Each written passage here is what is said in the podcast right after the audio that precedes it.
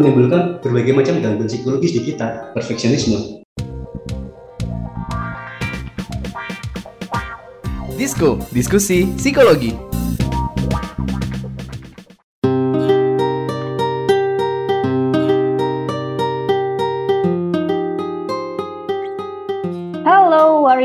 Selamat datang kembali di podcast Disko Diskusi Psikologi Persembahan Into the Light Indonesia. Hapus stigma, peduli sesama, sayangi jiwa. Apa kabar nih Warriors semuanya? Jangan lupa untuk jaga kesehatan selalu pastinya, karena hari ini kita bakal ngomongin banyak hal. Dan aku nggak sendiri sih hari ini. Ada Bijar juga nih yang nemenin aku untuk podcast. Halo, what's up, what's up, what's up? Cia cia, WhatsApp WhatsApp. Sih kasih gue ngomongin WhatsApp gitu. Lumayan sih. apa kabar? Apa kabar? Apa kabar? Aduh, Bijar gimana kabarnya? Semoga semuanya dalam kondisi yang baik ya. Amin. Jadi apa nih Mine obrolan kita pada hari ini? Ngomongin tentang hidup. Aku pribadi sih rasa hidup kebanyak kosongnya. Kenapa? Karena emang hidup tuh ya nggak ada yang sempurna ya. Manusia juga nggak ada yang sempurna gitu kan. Tapi ya gimana ya? Kalau nggak ada yang sempurna, ya itu rasanya kosong. Aku sih ngerasa gitu ya, Jar. Atau atau mungkin karena lu terlalu mencari kesempurnaan nih. Sedap sekali, terlalu mencari ya. Ketika ada sesuatu yang nggak apa ya nggak sempurna, lu ngerasa kayaknya masih kurang deh. Ya apa salahnya sih? Cie gitu langsung agak-agak defensif. ya, ya aku juga kadang suka mikir, kenapa ya uh, kalau emang manusia pengen sempurna tuh why not gitu.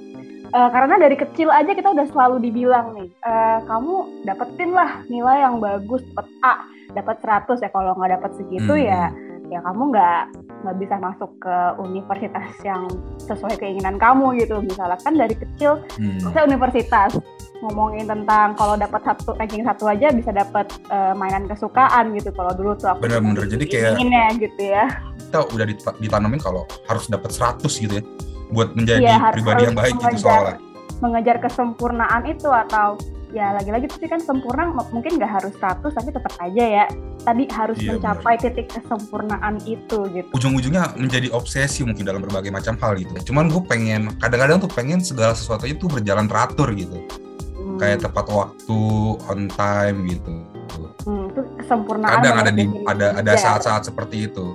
Ngomong-ngomong kesempurnaan iya, iya. kita kita nggak bakal berdua doang di pastinya ya Mine pasti kita bakal ada teman lagi yang bakal nemenin kita.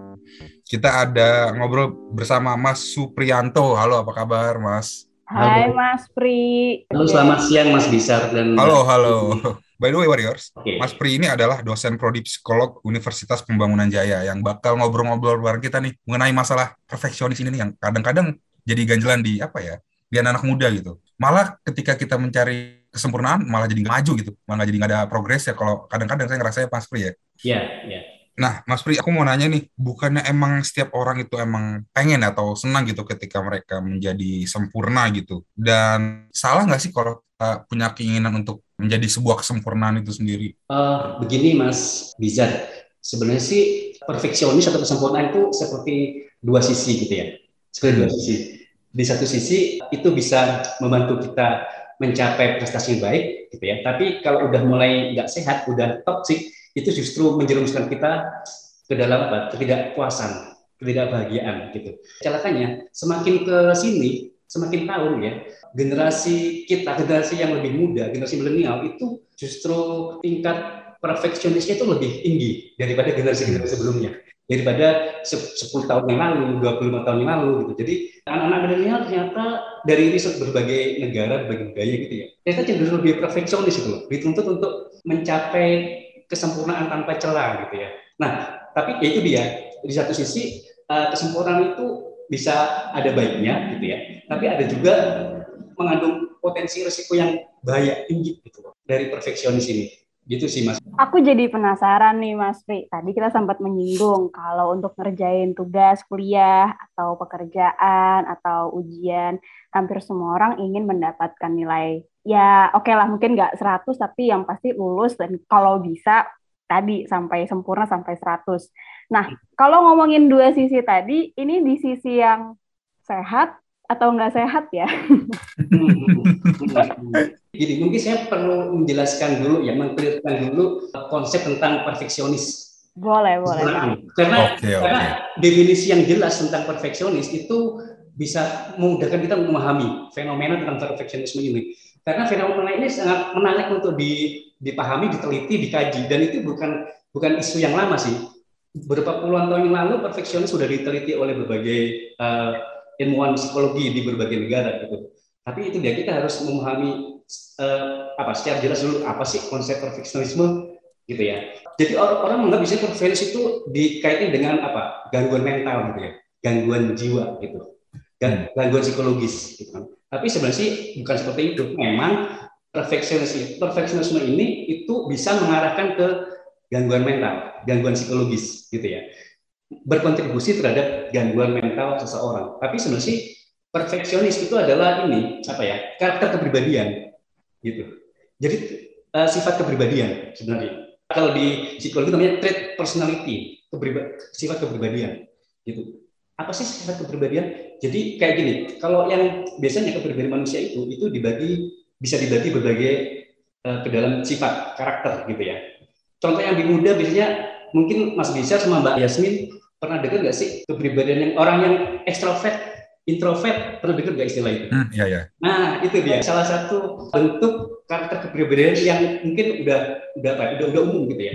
Bahwa kepribadian manusia dibagi jadi dua introvert yang tertutup kemudian nggak mau berinteraksi dengan orang gitu lebih suka sendiri nggak punya teman sementara lawannya adalah extrovert yang lebih terbuka lebih senang lebih gembira itu salah satu karakter kepribadian tapi ada juga berbagai macam teori tentang karakter kepribadian nah perfeksionisme ini itu ada juga sifat kepribadian gitu di mana biasanya kalau karakter kepribadian cenderung cenderung menetap ya di mana kita selalu bertingkah laku sama berpikiran sama berperasaan yang sama berespon sama terhadap situasi yang berbeda gitu. Jadi karena gitu. Jadi biasanya cenderung menetap gitu. Nah itu yang perlu diluruskan. Dan ini bukan bukan gangguan mental. Perfeksionisnya bukan gangguan mental, bukan gangguan psikologis. Walaupun nanti akhirnya ketika udah menjadi toksik gitu ya, menjadi udah menjadi menjadi lebih apa? Menjadi berat, bermasalah itu menimbulkan berbagai macam gangguan psikologis di kita. Perfeksionisme. Seperti itu sih. Jadi mungkin harus kita pikirkan dulu perfeksionisme ini seperti apa gitu ya. Biar kita nggak menjudgment orang terlalu mudah gitu Pak lu perfeksionis lu gitu kan jadi perfeksionisme itu yeah. sebenarnya adalah bagian dari sebuah kepribadian. Jadi yeah, iya. orang-orang yeah. bisa jadi memilikinya gitu ya. Iya, iya, iya, iya. Bahkan aku, bahkan dirimu gitu uh, kan ya. Jadi mungkin kita dalam menjudgment seseorang agar tidak apa agar kita tidak menilai orang mengalami gangguan mental, gangguan psikologis gitu. Karena itu bukan gangguan psikologis, tapi memang akan berdampak terhadap kesehatan mental kita, mental health kita. Kalau memang perfeksionis itu terlalu apa, terlalu berlebihan, uh, negatif, kita nggak bisa beradaptasi, gitu ya. Kita kalau terlalu toksik itu jadi mengakibatkan gangguan berbagai macam gangguan mental, gitu sih. Uh, konsep dasar seperti itu sih. Terus kalau misalnya ini Mas Pri ada orang yang kayak menetapkan target, nyusun rencana yang apa ya, dia tuh harus banget kayak saklek gitu.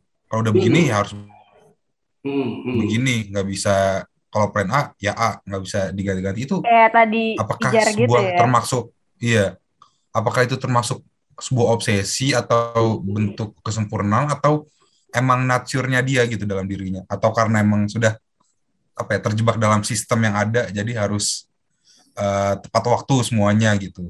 Mm -hmm. uh, Mas bisa uh, mungkin gitu ya kalau apa teratur gitu ya teratur kemudian kita men, apa menetapkan target bikin to do list gitu ya hmm. bukan salah satu karakter dari perfeksionis sih. Ada batasannya. Ada batasannya eh, bagaimana orang itu orang dengan kepribadian perfeksionis sama enggak itu ada ada batasannya gitu. Ada indikator oh, apa tuh? Apa tuh mas? indikatornya. Orang perfek, perfeksionis ini dia itu eh, ingin mencapai atau menetapkan target yang enggak realistis yang nggak masuk akal gitu. Dan dia selalu menuntut kesempurnaan. Dia tidak tidak menerima uh, kegagalan gitu ya. Dia selalu menuntut dirinya untuk uh, perfect sempurna di segala bidang dalam semua situasi menentukan target gak realistis dan kemudian toleransi terhadap kegagalan juga rendah kayak gitu sih jadi salah satu indikator dari orang profesional seperti itu gitu ya dia men-setting goals yang nggak realistis gitu terhadap dirinya atau terhadap orang lain gitu ya. Jadi kayak gitu. Hmm. Nah, jadi kalau orang masih membuat target, membuat apa uh, to-do list, kemudian uh, membuat jadwal yang rapi itu masih tidak terlalu bermasalah, justru bagus. Tapi ketika oh, dia, gitu ya. Uh, ketika dia udah membuat apa target yang nggak nggak masuk akal buat dirinya, gitu ya, yang terlalu berlebihan buat dirinya, uh, yang kemudian juga dia menuntut orang lain untuk mengikuti targetnya, uh, dan dia tidak menerima kritik, tidak mau menerima kegagalan, itu perfeksionis. Gitu. Karena biasanya orang perfeksionis itu uh, selain perfeksionisme itu ditujukan kepada dirinya, gitu ya, dia juga ditujukan kepada orang lain sekitarnya. Bisa juga terhadap uh, persepsi terhadap lingkungan, bahwa lingkungan itu kayaknya uh, menuntut dia agar selalu uh, tampil oke, okay, gitu ya. Harus harus harus menghasilkan output yang baik dan kualitas sangat baik di atas rata-rata, gitu. Jadi ada tiga tiga target perfeksionisme ini. Bisa ke dirinya sendiri, dia selalu menuntut dirinya, selalu uh, memaksa dirinya gitu ya kemudian juga menuntut orang lain untuk memenuhi standar dia gitu untuk memenuhi target yang dia inginkan kemudian dia, dia juga uh, ber, berpikir beranggapan bahwa lingkungan sekitarnya orang lain perusahaan institusi sekolah apa pun itu ya orang tua itu menuntut dirinya untuk berbuat uh, tampil oke okay. kalau enggak berarti dia enggak oke okay. enggak enggak enggak apa enggak, enggak sempurna cacat gitu jadi kayak gitu jadi emang udah kayak mengarah ke apa ya itu toxic gitu loh. Kayaknya mm-hmm. kayaknya memang apa apa salahnya sih jadi orang yang sekali sekali uh, gagal gitu? Apa salahnya sih uh, eh, sekali sekali uh, jadi orang yang biasa aja gitu? Mm. gak, ada, gak ada yang salah kan dari itu gitu loh. Jadi seperti itu sih indikator-indikatornya yang penting seimbang ya. Kalau ya. kadang-kadang kita mikir apa salahnya kalau aku ingin mencapai hal yang baik dan sempurna, tapi di sisi lain juga ya apa salahnya kalau aku hmm. terpapah dengan kegagalan gitu ya. Hmm. Wow, oke. Okay. Perfeksionisme sendiri bukanlah bentuk gangguan jiwa atau gangguan mental. Tapi ketika dia sudah menjadi berbahaya, itu jadi bisa dikategorisasikan sebagai gangguan jiwa nggak sih? Misalnya aku sih kepikirannya apakah perfeksionisme bisa dikatakan sebagai obsesi atau bentuk OCD juga. Gitu hmm. Ah, bener tuh, bener-bener. Gue juga sempat kepikiran kayak gitu tuh. Ya, kalau di literatur psikologi ya, OCD itu, obsesi kompulsif itu kan salah satu termasuk gangguan yang cukup berat gitu. Hmm. Gangguan psikologis yang cukup berat. Walaupun uh, orang yang perfeksionis nanti kalau mengalami gangguan bisa juga mengarah ke OCD gitu ya. Tapi kan OCD bukan hanya karena perfeksionisme juga gitu. Hmm. Tapi sekali lagi harus diingat bahwa perfeksionisme itu bukan gangguan mental, gangguan psikologis. Kalau OCD itu gangguan mental. Jadi ada banyak gangguan mental gitu ya, yang nanti diakibatkan oleh perfeksionisme. Hmm. Contohnya ya, selain OCD tadi ya, contohnya kecemasan, anxiety gitu ya. Orang yang ini orang apa? Orang yang perfeksionis kan selalu cemas. Pekerjaannya, tugas-tugasnya bagus enggak? Hmm. Dinilai bagus enggak sama orang lain? Gitu. Dia selalu, selalu cemas, selalu mengkritisi diri sendiri. Kemudian juga uh, gangguan makan, ada ada beberapa penelitian yang mengatakan bahwa orang yang perfeksionis mengalami gangguan gangguan makan eating disorder gitu ya. Juga mengalami depresi gitu. Di beberapa kasus ada intensi untuk bunuh diri juga orang perfeksionis. Ada juga uh, misalnya prokrastinasi gitu. Selalu menunda pekerjaan. Karena ingin mencapai kesempurnaan kan? Ingin lebih baik oh, iya. jadi itu dia hmm, hmm. menunda pekerjaan gitu loh. Ini kayaknya kurang bagus deh. Ini kayaknya lebih baik kalau begini ini harusnya diubah. Jadi orang yang preferensi tersebut itu lebih suka memperhatikan hal detail hal yang kecil-kecil gitu kan itu itu di, di ini dia apa coba di address coba diperbaiki gitu. Sementara uh, hasil akhirnya itu malah terlupakan akhirnya. Jadi ada banyak uh, akibat dari perfeksionisme yang memang akhirnya mengarah pada gangguan psikologis. Tapi ya mungkin perlu diingat lagi bahwa perfeksionis itu bukan gangguan mental gitu. Wah, aku langsung auto relate gitu kayak bener juga saya sering prokrastinasi ya. Iya. Jangan-jangan yeah. saya perfeksionis tapi saya bukan berarti mengalami gangguan jiwa tertentu gitu ya. Jadi biar jangan kata-katain aku ya bijar. Enggak, kalau gue mikirnya, wah gue kayaknya perfeksionis ya, bukan malas kalau nunda-nunda pekerjaan. Ternyata jadi gitu ya, jadi dua unsurnya. Mungkin perfeksionis iya, malas juga iya sih, Jar. Tinggal pilih aja mau yang mana, kayak dua-duanya ada sih. Tapi Mas Pri ini, jadinya perfeksionisme itu apa ya, sebuah sebuah hal positif atau hal negatif kalau menurut Mas Pri sendiri? Nah, ini Mas Bizar, ini menarik sih sebenarnya ya seperti yang saya bilang di awal tadi, perfeksionis itu punya dua wajah ya, punya dua sisi. Hmm. Dia bisa positif, bisa negatif. Jadi memang beberapa ilmuwan psikologi udah mencoba membagi perfeksionis jadi dua dua hal. Ada yang namanya uh, adaptive perfectionism gitu ya. Uh, perfeksionis yang adaptif, yang positif. Ada juga perfeksionisme yang maladaptif, yang negatif gitu, yang toksik gitu. Perfeksionis yang toksik.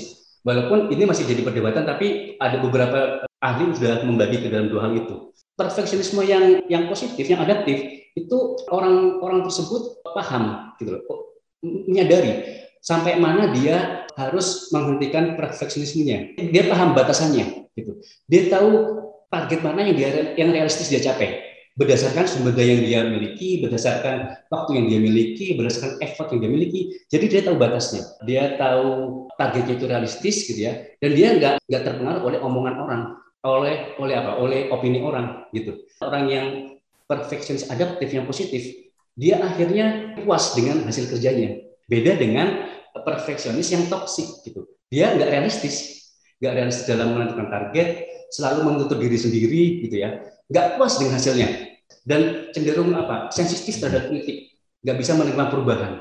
Itu sih. Jadi sebisa mungkin nah itu bagaimana kita lebih fleksibel gitu ya. Lebih beradaptasi mampu menyesuaikan diri dengan kondisi sehingga sifat perfeksionisme dalam diri kita itu menjadi lebih positif, lebih adaptif. Benar, Ada balance yang bisa kita kita kontrol ya. Kita kan hanya benar, bisa benar. apa yang ya.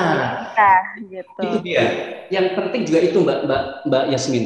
Saya setuju dengan Mbak Yasmin mengenai masalah kontrol ya, kontrol lingkungan. Kadang-kadang gini ya, uh, kan nggak semua hal di luar diri kita itu bisa kita kontrol kan. Mm-mm. Itu misalnya opini orang lain, sikap orang lain, preferensi orang lain, penilaian orang lain itu nggak bisa kita kontrol. Gitu. Nah kalau orang-orang perfeksionis itu nggak bisa kayak gitu tuh. Dia nggak bisa memahami bahwa uh, bahwa sesuatu di luar diri itu eh, nggak uh, bisa kita kontrol. Dia pengennya mengkontrol situasi Sementara kalau yang yang adaptif dia itu paham bahwa uh, dia nggak punya kendali atas segala hal gitu. Hmm. Yang dia kendalikan bisa kendalikan ya ya terbatas pada dirinya sendiri apa yang dia mampu gitu. Nah seperti itu. banget. Oke. Okay. Kalau kita mau cari tahu lagi ini gimana cara kita bisa lebih memiliki sifat perfeksionis yang adaptif ya. Oke, hmm. kita break dulu sebentar. Habis ini kita bakal lanjut ngomongin lebih dalam tentang obsesi untuk menjadi sempurna. Kita bakal kembali setelah yang satu ini. Disko, diskusi psikologi. Oke Google, cariin apa yang lagi trending sekarang dong. Yang lagi viral, yang lagi hits. Aduh, kamu ini tahunya cuma nyur doang. Lah, dia nolak. Aku bilangin Siri nih. Ya sudah-sudah jangan ngambek dong. Kamu cukup buka KBR Prime titik ide, lalu cari what's trending. Semua dibahas tuntas dengan narasumber yang kredibel, jadi bisa buat referensi kamu. Wah iya nih, keren banget ya. Setiap hari lagi. Betul, dari Senin sampai Jumat. Jangan lupa hanya di KBR Prime titik ide atau di aplikasi podcast lain lainnya. Makasih ya Mbah Google. Hei kamu ini, saya masih gadis, kenapa dipanggil Mbah? KBR Prime, podcast for curious mind. Disko, diskusi psikologi. We're back Warriors, kita masih barengan sama Mas Pri yang lagi ngomongin tentang obsesi untuk menjadi sempurna alias sifat perfeksionis ya. Tadi kita lagi ngomongin tentang gimana caranya bisa mendapatkan kontrol dalam diri lah istilahnya. Tapi kita tahu juga sih, tiap orang kan beda-beda ya, Pak Pri. Yeah. Dan juga kadang-kadang kalau udah ngomongin perbedaan, berarti ada perbedaan selera, perbedaan standar, perbedaan perspektif, semuanya beda. Nah, jadi pertanyaannya, apakah semua orang tuh mampu gitu menetapkan standar yang tepat untuk dirinya sendiri supaya ya tadi nggak terlalu jadi perfeksionis yang toxic gitu. Untuk ini sih sebenarnya sih ini nggak kategorinya adalah bagaimana uh, kita me, me, mengetahui batasan, batasan keterbatasan, ke, kelemahan, kekurangan kita, gitu sih. Bagaimana menyesuaikan antara kemampuan kita dengan target kita, gitu. Dan bagaimana kita uh, puas dengan hasil yang yang yang apa yang kita capai gitu ya.